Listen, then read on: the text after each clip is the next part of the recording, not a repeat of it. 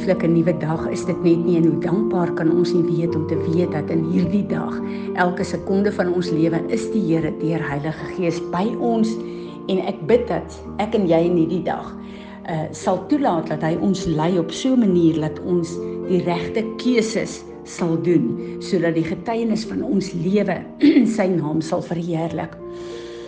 Ek is besig om te dink en te mediteer aan 'n plek terwyl ek ook berading doen met uh mense wat ehm um, sukkel om regtig te onderskei wanneer die vyand hulle aanval en wanneer hulle deur prosesse gaan wat die Here net toelaat om hulle karakter te bou. Nou ons weet dat daar baie mense is wat so bewus is van die duiwel en dat hulle die duiwel die skuld gee van alles en dat die duiwel eintlik so groot word in hulle lewe dat hulle fokus meer op die duiwel is as op die grootheid en die almag uh van die God wat ons dien en die oorwinning wat ons het deur die kruis van Golgotha wat uh tot ons beskikking is en waar waarin ons eintlik behoort te lewe. Nou Paulus sê 'n baie belangrike ding in die Nuwe Testament. Hy sê do not be ignorant of the schemes of the devil. Hy kom en hy sê hier in hierdie brief wat hy skryf vir die gemeente, moenie dom wees waar dit die dinge van die vyand aangaan nie. Jy moet weet hoe hy werk, jy moet weet hoe sy karakter is, jy moet weet watter strikke hy vir jou gaan stel. Anders trap jy in strikke in en jy is nie eers bewus daarvan. Dis die vyand wat jou hier aangeval het nie. Nou hoe uh, ons het nou die woord van God en ons het nou die wapenrusting van God. Maar hoe kan ons dit gebruik as ons nie eers weet uh, wat is die strategie van die vyand en wanneer hy ons aanval nie. So ek wil 'n bietjie kyk na 'n paar skrifte in die woord. Die enigste plek waar ons regtig waar die karakter van die duiwel behoort te bestudeer om ons te help om in oorwinning te bly, is uit die woord van die Here. Nou in uh Openbaring 12 vers 10 is hierdie skrif.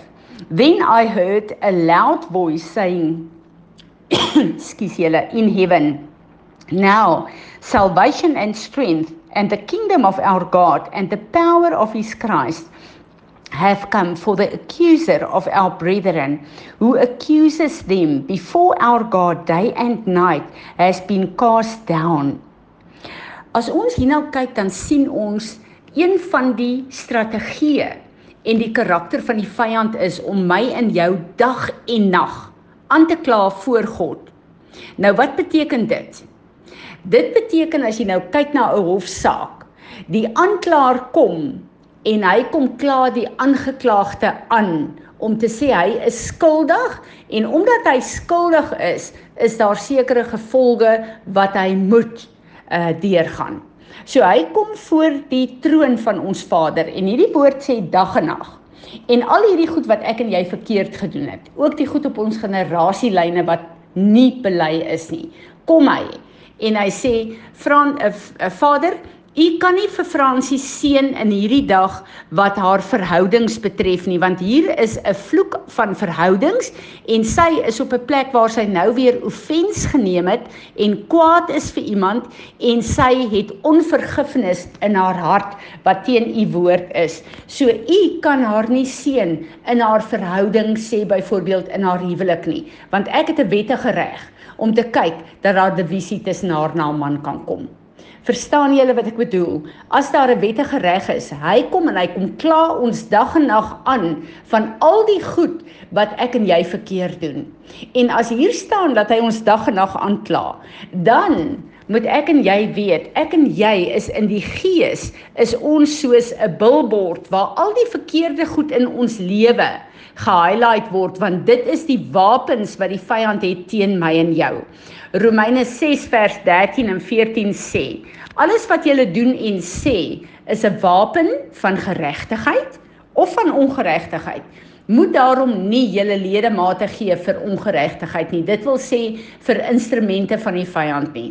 Wat ek en jy verkeerd doen is al reg wat hy het in ons lewe.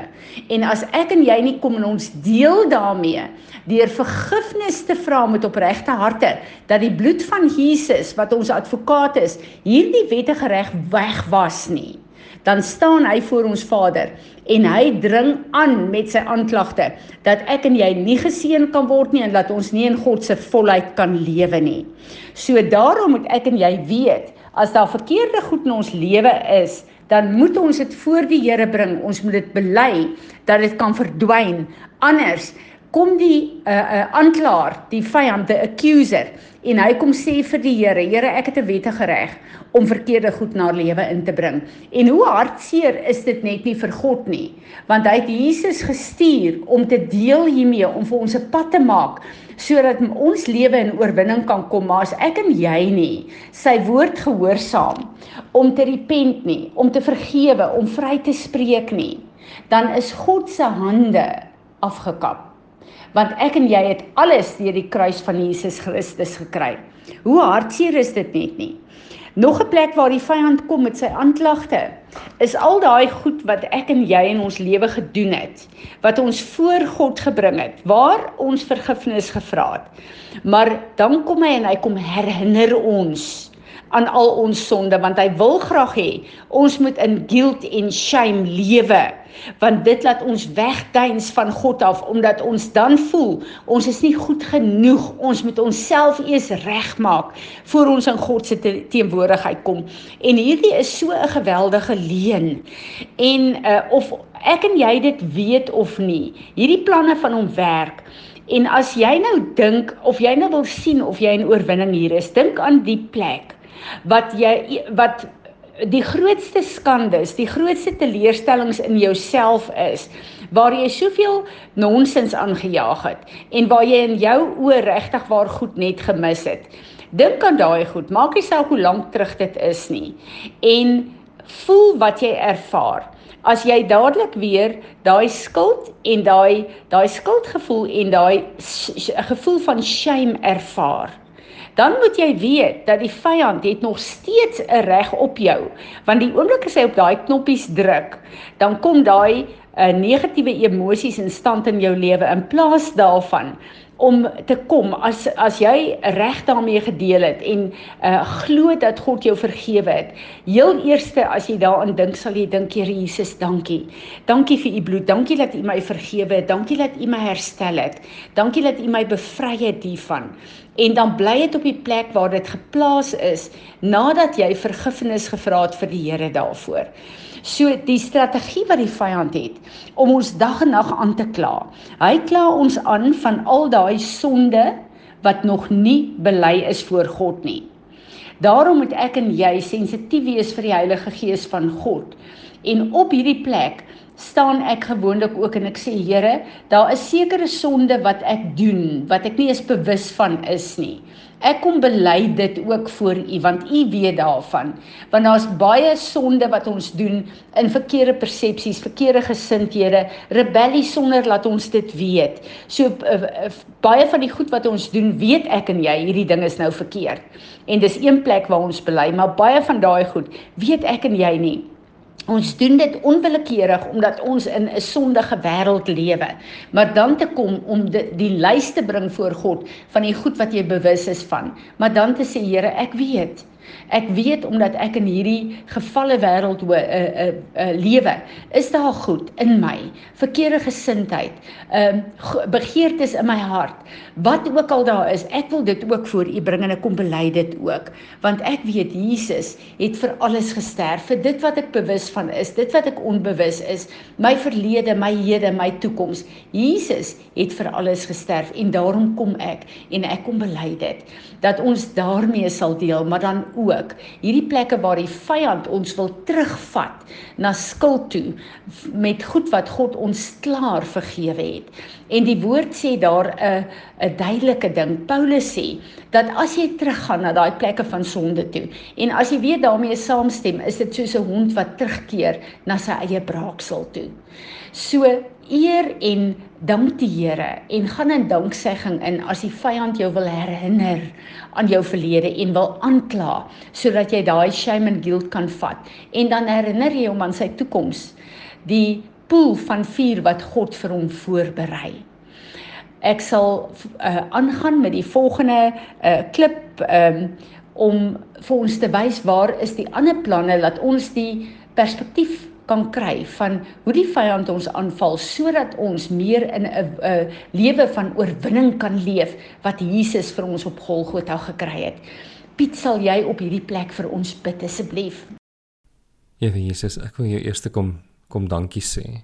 Kom dankie sê vir vir u oorwinning. Jy weet dit dat u die oorwinning aan die kruis behaal het. Jy weet dit dat u Satan oorwinnend, dat u die vyand oorwin het in alles wat hy probeer doen. Jy weet dat u elke antwoord het. Dat u die plan en strategie het vir elke slinkse plan wat die vyand het. Heilige Gees, ek wil vir u vra dat u met elkeen van ons kom werk in die plek van shame waar ons sit. Waar ons so vasgevang is in ons eie tekortkominge, waar ons so in onsself vaskyk en en waar ons u nie sien nie. Weet Jesus vir ons dink jy wie goed in onsself is is te groot en en dis te ver verwyder van u. Weet u kan nie weer goed genees nie. U kan nie weer goed vergewe nie. Heilige Gees kom werk in hierdie plekke in ons harte en kom maak dit heel. Jy weet kom deel met die shame in ons lewens. Wil kom help ons om hierdie shame in die oë te kyk. Jy wil dit saam met U te kom uitvis. Wil vergewe ons vir vir die plekke waar ons in hierdie plekke vasgesit word en jy wil selfs die keuses wat ons doen en waar ons nie lekker oorwinninge oor die keuses het wat ons uitvoer nie en waar ons nog in hierdie prosesse vasgevang is. Jy wil kom help ons om in oorwinning uit te stap. Wil in die plekke waar ons wel oorwinning het en waar dit nie vir ons se voel nie, waar dit vir ons voel ons word die hele tyd teruggetrek in hierdie plekke. Heilige Gees kom kom stap met ons idee, kom stap met ons idee dat ons die vyand in die oë kan kyk en kan sê nee. Hier het ek oorwinning behaal saam met Jesus Christus. Ek het hier eenal deur gestap. Ek hoef nie bang te wees en skaam te wees en my kop te laat laag hang nie.